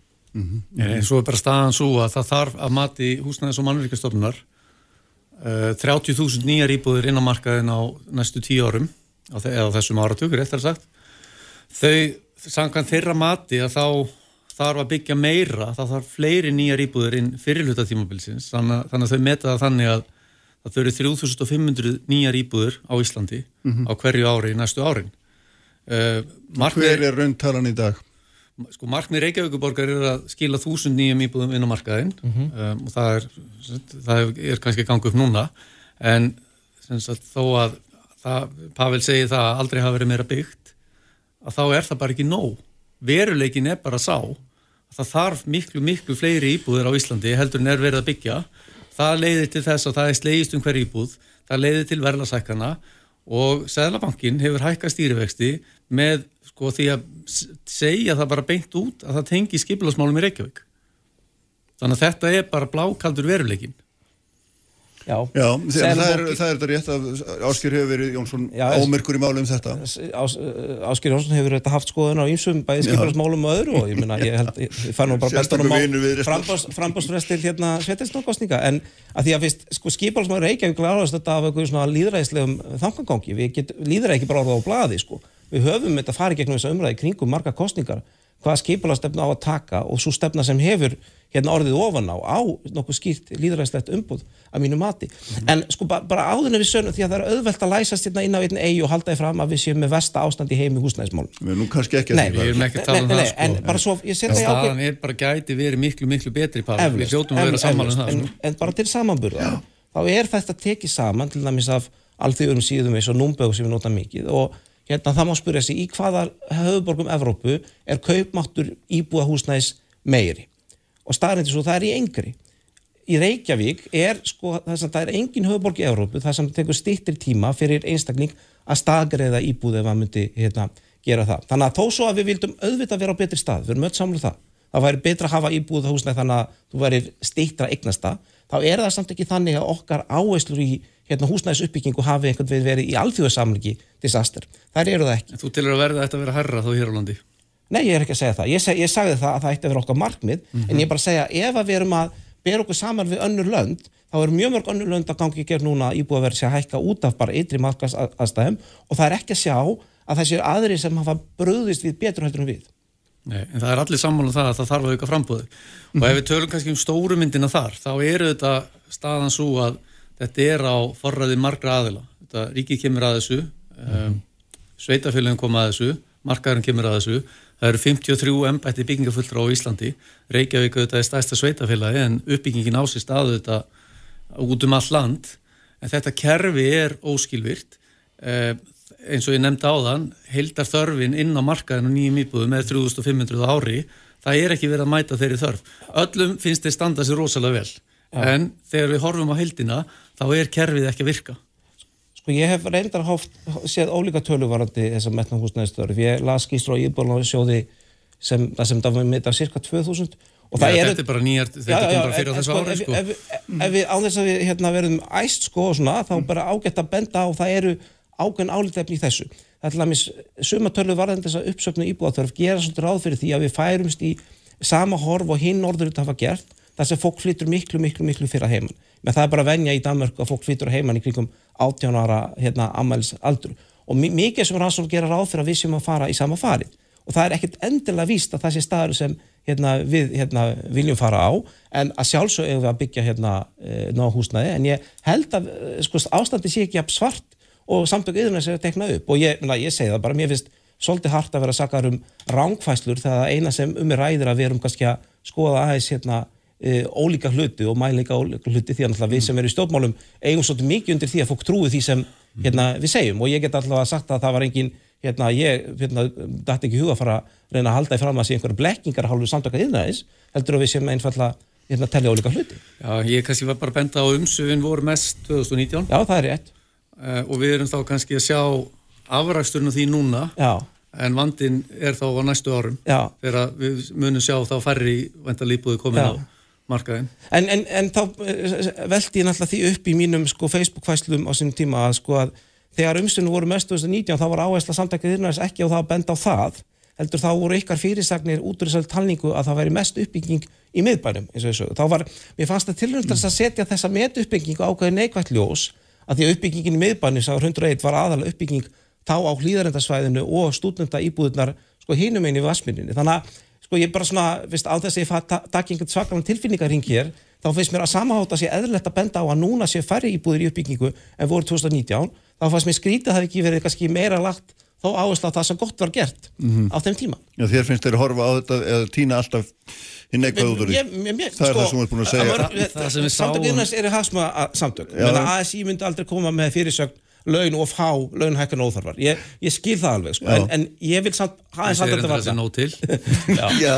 halda þetta varna og segja Já, að, já. að, að, hérna, þetta sé alls ekki ástætt hafi verið mjög gott fyrir tveim árum að sé alls ekki sláttum Nei, akkurat. En ég meina það, hérna, sko Ég, ég, ég er búin að tala með þetta, ég held ég núna öll þessi fimm og hálft ár sem ég er búin að vera með það þá, þá, hefur, þá hefur þetta verið umræða um, um fastegnumarkaðin þar sem að hefur þar sem hann hafa alltaf verið að tóast á það hvað er raunverulega að gerast?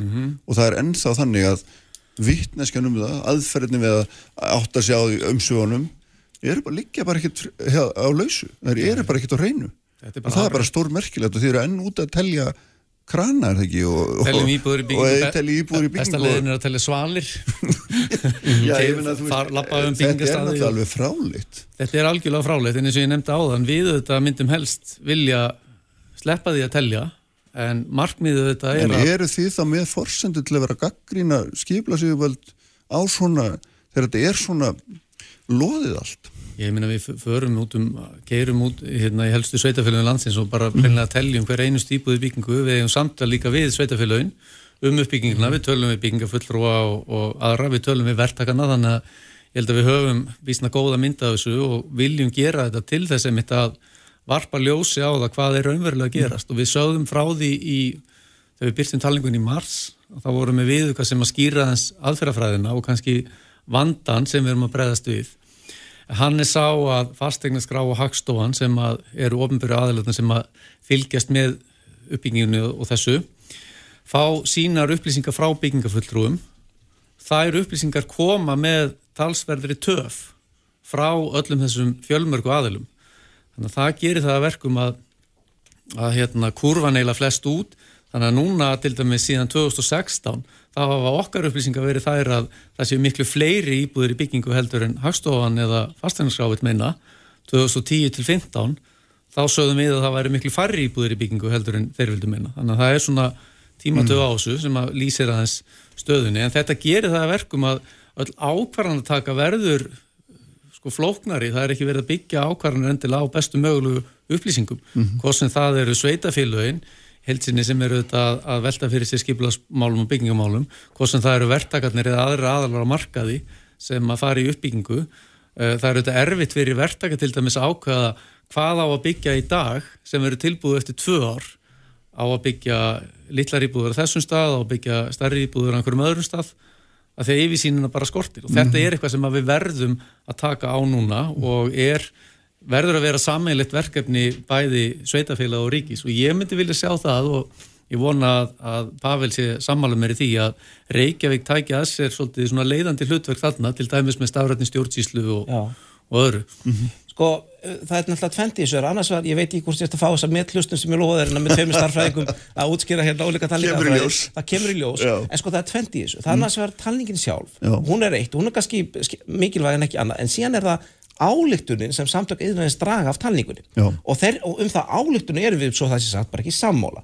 Álíktun samtaka yðnaðins er að það vantar bara miklu miklu fleiri lóðir en að gæsalappa. Og þá held ég að meini sko að það brjóta mikið nýju landi undir svona innan gæsa bara auðvelda uppbyggingu veist? Já, já. E, og hins vegar það sem náttúrulega við segjum bara að það vantar bara íbúðir og fyrst það skiptir ekki máli hvað hún er gerð og okkar skipla sín er að það sé betra að gera það með að þetta byggð og styrkja við innviði Þú ert að segja okkur það sé til nóg að ljóðum hérna inn í Men það- hverfunum sem hægt er að byggja það er deilisskipulega 3000 lóðir í Reykjavík í dag og það munur bætast við 4000 nýjar í ártushöfða þegar við og þetta bara dugar eitthvað mati já, það dugar næstu þá þrjú árin og svo næstu fjögur ár þá er eftir, já. E, það er ekki rosalega einfalt og auðvitað líka brjóta nýtt land undir hverfi ef við myndum svara einhvers staðar á kjálanis og ákvaða bara byggja tíðu sem er að hverfi þar. Þá þarf náttúrulega, hvað sér Keldur sem er fórsenda fyrir Já, borgarlínu algjörlega, ég get, það kemur en náttúrulega við þurfum fyrst að klára átursöfðan sem er borgarlínu tenging inn, inn á kjeldur en ef við gerum það, segjum takkum svona eh, land, þá þurfum við alltaf nýjan grunnskóla ný veitumannverki og mjög margt og veist, skipula sem verður líka alltaf flóki, þannig að það er ekki sjálfgefið að það sé ekki rosalega auðvelt. Og ég held að með sjáum við svolítið þennan gamla tíma í verktakafræðan aðeins í hyllingum, við erum bara komin á annar stað. Já. Sko, en eitt ég ekkert- aðeins hérna, eitt sem ég langar að spyrja þeim Pavel hérna bara á því gleymi því og það er minna, sem Sigur er að lýsa aðferðafræðin og hvað þetta er allt loðið og minna, þetta lítur að hafa mjög mikil áhrif á það hvernig menn skipulegja byggðina hvernig menn meta þörfina inn í framtíðina fyrir íbúður á þeim svæðum sem menn er að skipulegja ef menn vita lítið um hvað er í gangi eða lítið ekki nægilega Sko, nákvæmlega. ég, ég ætla að segja nei af því að ég held að stóra myndin sé í grunninn skýr Veist, ég held að stóra myndin bæði í heildafjölda uppbyggða íbúða veist, við vitum cirka hvað er margar íbúður á Íslandi og við vitum cirka hvað er margar að koma inn. Við erum kannski að deila um sko, hvort við hann tæla það fyrir eða eftir áramót og hvað sé margar Mhm. í byggingu. Þannig ég held, ég held að það sé ekki sko jafn mikið ykkur en, en, en mín skoðan þetta svo að hagstofan veist, einhver ofinber óhæður aðil ætti að vera sá aðil sem, sem telur þetta og, hérna, og svo bara að að það er eðlert að vandrista örlítið tölum frá hagsmunnaðalum eða síðan stjórnvöldunum sem hagsmunnaðalum er að gaggrina sko. Já, Sigurður, fylgjum, já. Já, sko, okkar áhersla er bara á það að það þörfi fleiri íbúður en á markaðin. Við höfum bent á það að það er kannski ólík, hérna, ólíkar aðstæður í sveitafélögum. Um, það er kannski minna, Reykjavíkuborg hefur verið minna í því að brjóta nýtt land undir, undir hérna, En íbúður. er það kraf ykkar að það verið gert? Nei, ekkert sérstaklega, við, við, það þarf bara fleiri íbúður og stóra myndin sem við sjáum. En eh, er, er ekki að lýsa því það síðan næga lóður undir íbúður til þess að hérna, svara Það- eftirspurninni? Það er allavega ekki mat þeirra sem að við tölum við, sko, Sem Nei, nei. eru þá hverjir? Eh, okkar félagsmenn, verktakar. Já. Nei, sko, Við, og ef við förum bara við Reykjavíkuborgar þá, er, þá eru lóður í bóði á veit. en hvergi annars þar. já, já, Það er, það er bara staðan sko. já, já, en ég meina það eru fleiri aðilar sem eru hérna, sko, sem er hægt að byggja landa á heldur landi hérna, Reykjavíkuborg Já, já, Ég meina, nú erum við að og tala við aðeins um erum, við það. sko, ég meina, þetta er bara ólík skipulega sín eins og segi, sá tími Ég held ekki sko, ég held að við viljum bara fá, sjá fleiri íbúður á markaðan. Það hefur líka Já. skýrskotun til dæmis víðar í, í sko efnaðarslegu samingi, tökum til dæmis vinnumarkaðin. Við sjáum það að verklýsefingin hefur komið fram núna síðustu daga og vikur með skilabóð þess efnis að húsnæðismálin verði stór þáttur í næstu kjærasamlingu sem er á næsta ári. Eh, Þau vilja sjá meiri uppbyggingu, við viljum sjá meiri uppbyggingu. HMS telur að þau eru 3500 nýjar íbúður ári, það er íbúður er ekki að koma inn á markaðin. Það er ekki verið að byggja þennan fjölda sem þarf. Það þýðir bara eitt. Og ég meina hver og eitt getur svo talað fyrir sig og sagt að það sé nóg að gert, uh, ég hugsa að öllum finnist það, svona meira og minna, í öllum sveitafélögum, he en heildarmyndin er svo, það er ekki verið að byggja nóg og það er ekkit endilega sko hverju einu sveitafélagi að kenna. Þú veist, kerfið er bara svolítið byggt þannig upp að það er ekki skilvirt og þessu verður að breyta núna þegar að nýri ríkistjórn verið mynduð með því að, að færa húsnæðis og byggingamál og skipulasmálin inn í, inn í eitt ráðanetti. En er Pavel þegar að Sælabankstjóri kemur fram og hérna, með þessum aðdráttalisa hætti og gaggrínir skiplaði Reykjavík og segir þetta er grunnurinn að því að við erum að horfa framann í hærri verðborgu og við neðumslega hækka vexti. Meina, hvað hugsar þú þá? Finnst þér þetta bara, já, hugsa bara, æ, ég nefnir ekki að hlusta á þetta eða, eða finnst þetta að vera einhver, einhver markverð gaggríni? sko, það er alltaf ágætt að fá gaggrinni, ég meina, er þetta bara stórt pólísk spurning og ég meina mér finnst alltaf segðarblokkastjóri í þessu máli sem eru kannski aðeins fyrta sig of mikið inn á hérna hitt pólítiska hitt pólítiska svið, það er bara hérna mín skoðun, ég held að ef menn hafi þessa skoðun þá náttúrulega verður hún bara að ná fram að ganga í hérna í kostningu, sko, ef menn hafa þá skoðun að að setja sundabraut í algjörða forgangu að brjóta nýtt land undir hérna byggð, þá er það bara sko, de- það er eitthvað sem er á vettvangi stjórnmálana, það er ekki hlutverk Sælabankin, sko. Sælabankin hefur bara eina hlutverk að halda upp í hérna stöðu hérna verðla í landinu og það hefur gengið í hjá svo það sé sagt. Það gekk bara mjög vel, síkastir. En það sem ég ætla að segja hér, þetta er ekki bara skoðun hérna, sælabankastjóra. Ég meina, bankin hefur hækkað vexti um 75% stig. Já, ég, ég var bara að lýsa þeirri 0,75% stig til þess að- Já, já, afdráttalisa algjörlega. ummálum ummælum hans Þannig er að það sé meiri skoðun, Já. þau, þau taka ákvörðin byggt á þessu. og það er svolítið annað en bara þetta sé skoðun sem mann er að viðra. Já, já, maður getur ekki alltaf við sammála um allt sko, en Nei, nei, ég held að nefnilega það niðurstaðan og mín skoðun er svo að það sem við þurfum þetta er fleiri íbúður á markað, það er ágætt að heyra að það sé áherslan en ekki endilega á sko lóður, því að mér hef kannski svolítið þótt að það væri svona fyrst og fremst áherslan að til þess að það gerir nýtt saman. það gerir það, en það er samt það aðal, aðal málið er bara að fjölga íbúðum En, en ef ég er verktaki núna og kem til þín og segi ég er byggja þá segir þú getur byggt í guðunusi á hvergi annars það- Er, það það, er- er það tilfellis? það er þær lóðir sem eru bóðið núna en menna það eru fleiri blóðir á leiðinni. Já. það eru leiðir, lóðir á leiðinni það í Skerjafyrið og síðan í Ártushöfða á okkar lóðum þar. En fyrst, eins og ég segi, þá er bara það var. Heyrðum, það verður hérna frólægt að sjá eins og svo mörg öru hvernig þessi vindur fram komist ekki lengri í bili, takk fyrir að koma báða tveir það er verið að hérna Bryndís Haraldsdóttir og Rósa Björk Brynjarsdóttir eftir ögnum Sprengisandur á bylgjunni alla sunnundasmórna. Uppspretta frétta á Sprengisandi. Á bylgjunni. Sæli eftirlustendur, uh, þeir eru farin frá mér Pavel Bartótsek og Sigurður Hannesson eftir rökraður um ástandið á húsnæðsmarkanum í Reykjavík fjölda íbúða í byggingu og fjölda tilbúin íbúða og svo þetta svona í stærra saminginu áhrif þessa markaðar á efnarslífi landinu, vastahækkanir og verbulgu og það allt saman.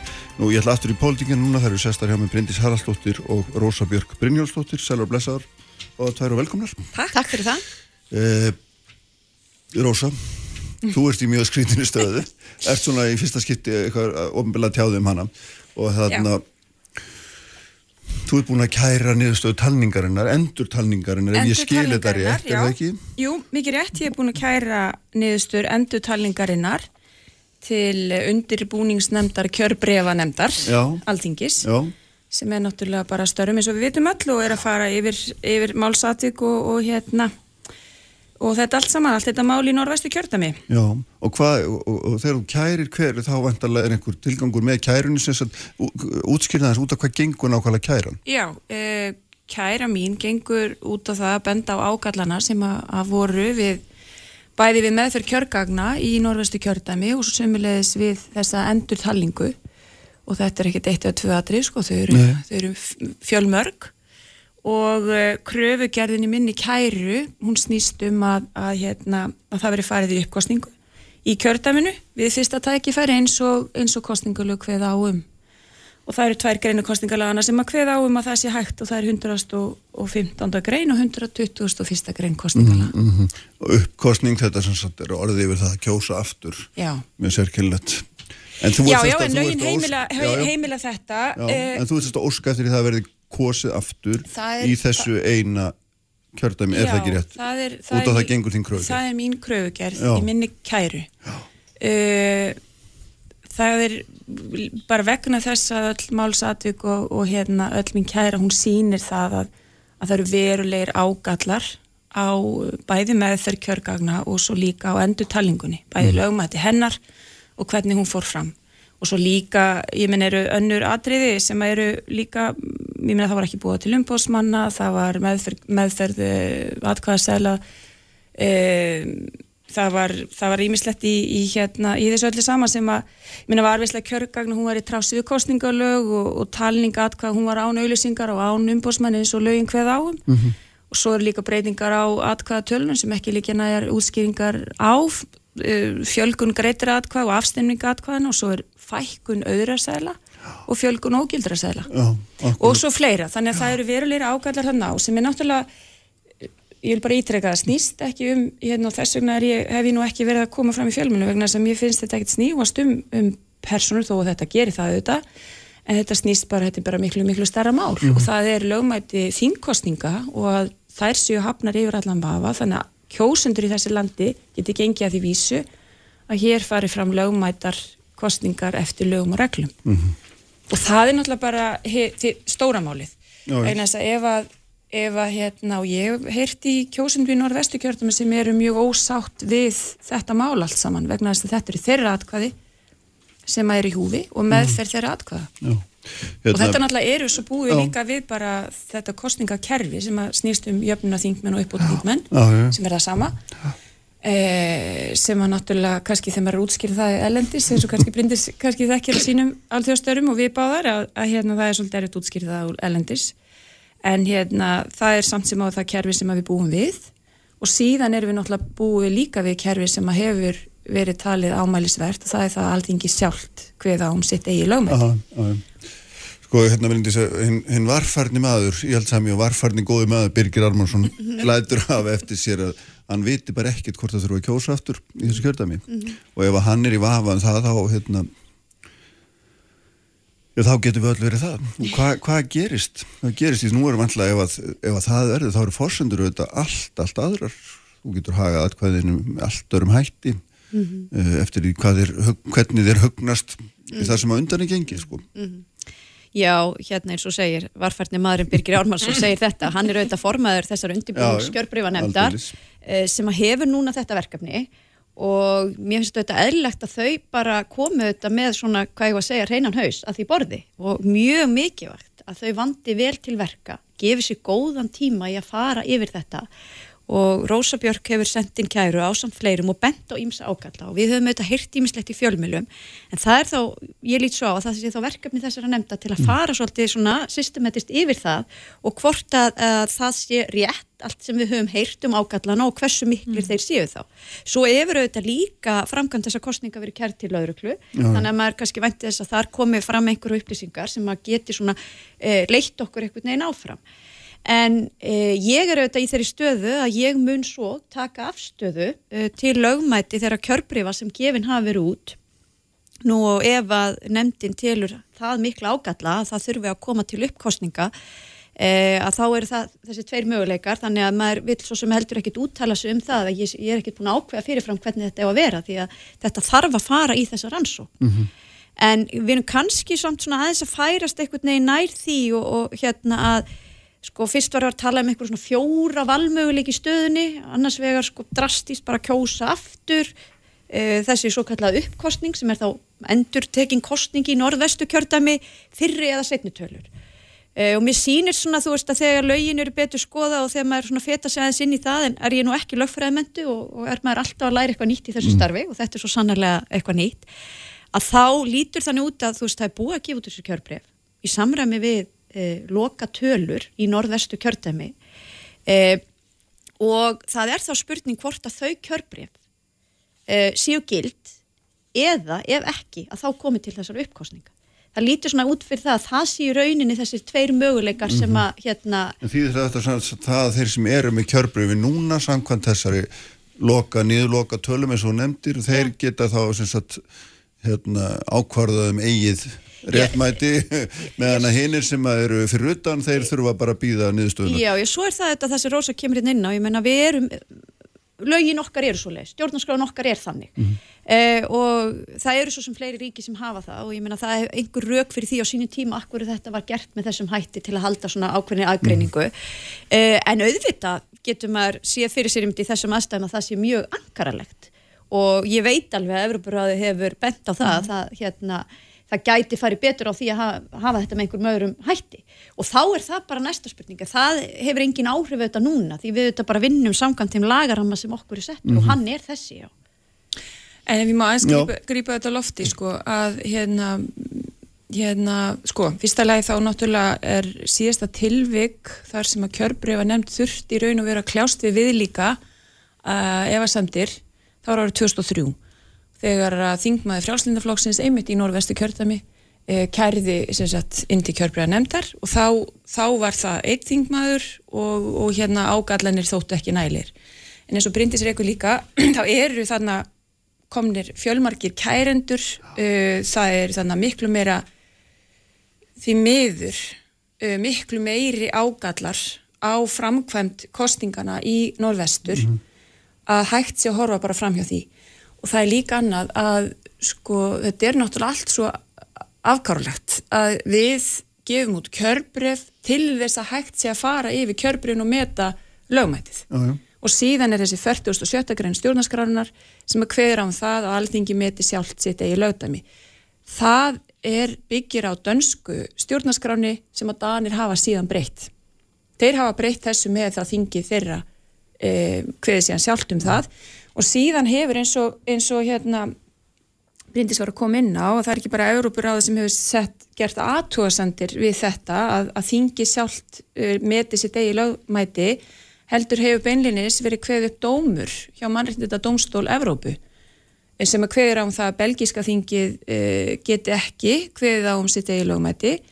Og við erum líka á samt þremur öðrum ríkjum í þessari stöðu að hafa þing sem að kveður á um sitt eigi lögmæti og það eru dómafordæmi mannréttidómstól sem kveða á um það að þetta sé ekki þetta sé ekki hægt í raun og veru, en þetta er svona stærri spurning eins og, eins og hérna, við breytum ekki stjórnarskráni bara, sí svona, á, nokkru dögum. En það er allavega þetta lögmæti þingkostinga sem við bara sem líraðisríki verðum að hafa hérna á hreinu, bæðið vegna þess að þetta snýst um traust almennings á okkar kerfi traustin á þinginu, traustin á löggjöfavaldinum og svo er síðan á framkvæm kostning og við sáum líka endurtalingun í sögu kjörðaminu það var bara, það fór algjörlega hérna, korrekt fram svo endurtalning, það stemdi algjörlega við fyrir tölunar þannig að það, það er líka sko framkvæm sem var til fyrirmyndar þannig við sáum þannig líka munin. Já, já, já. hvernig hérna, hvernig hérna góð framkvæmt í einu kjördæmi og síðan hérna framkvæmt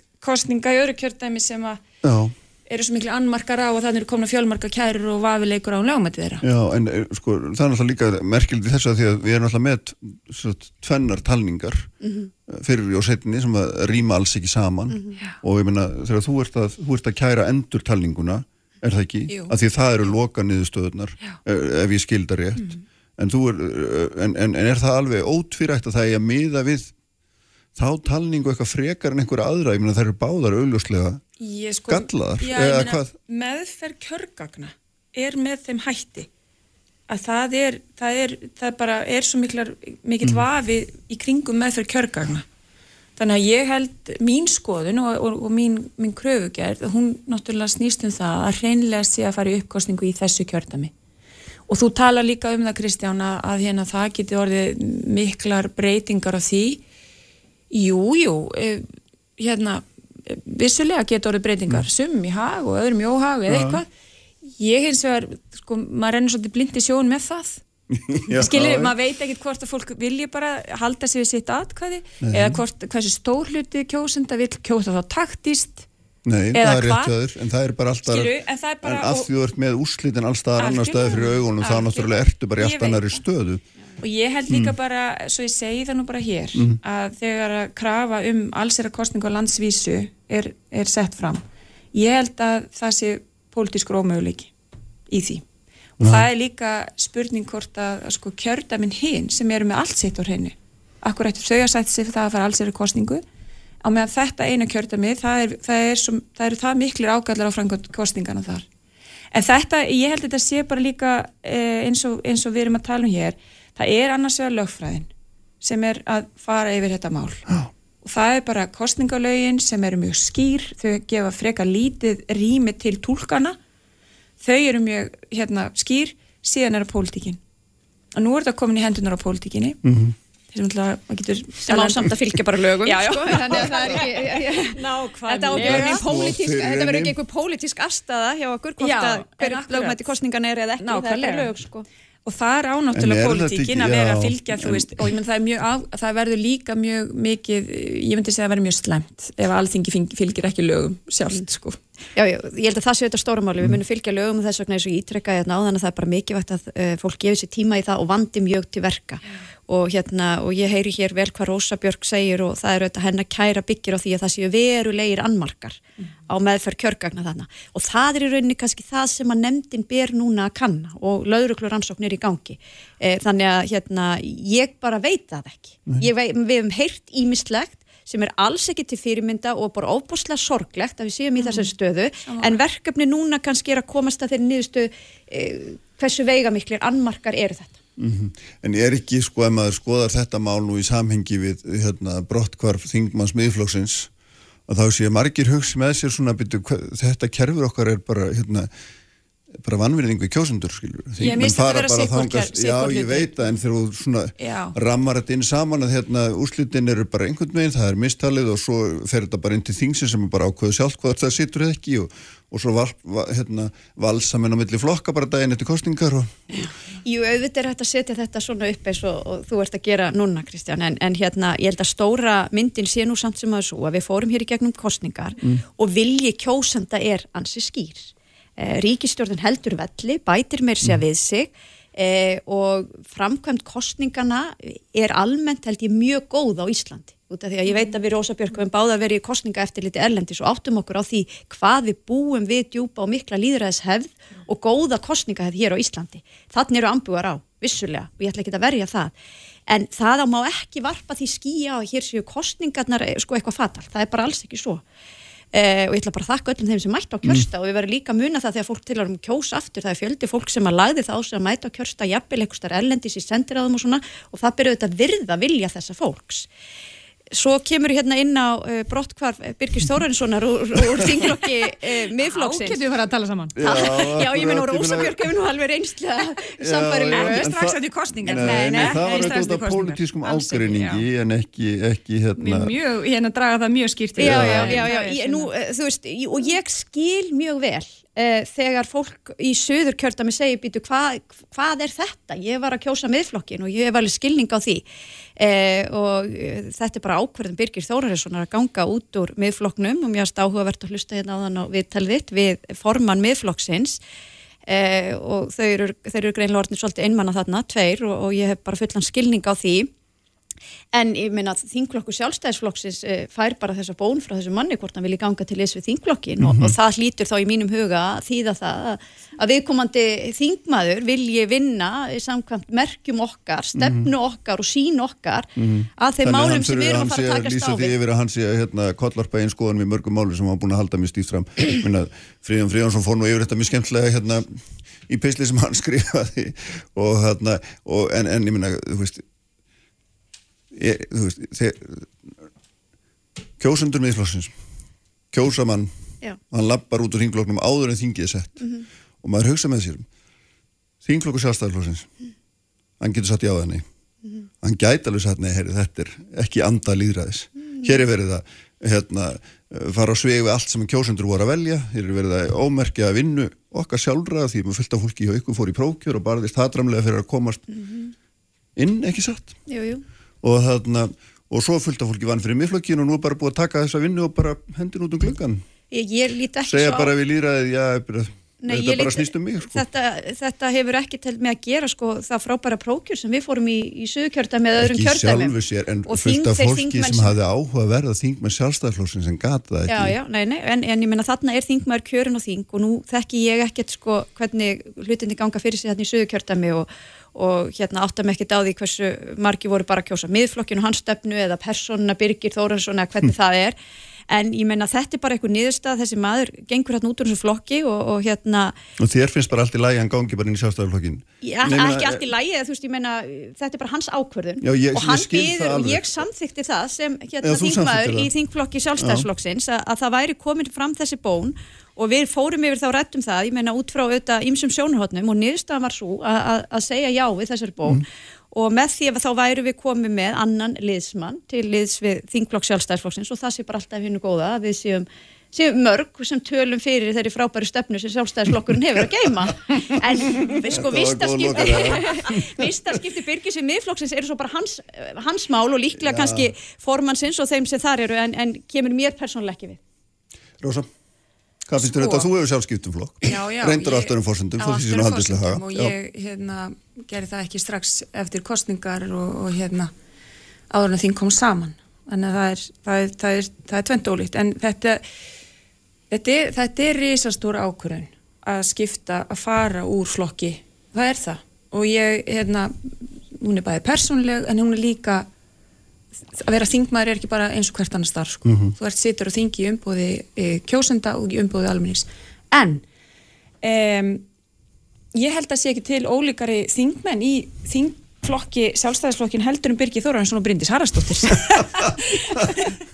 þannig að hérna, já. þetta verður mjög áhugavert eh, En segðu mér þá Rósa, þegar þú skiptir um flokk í þessu samhengi, menna, þú hlýtur að hafa haft val um það að segja, ok, ég bauði mig fram fyrir þessa kjóstu, þeir kusu mig, ég get ekki starfa í þessu flokki, nú á ég þá bara ekki erindi lengur, það er best að hleypa næsta manni inn sem er þá í flokknum sem fólki kaus.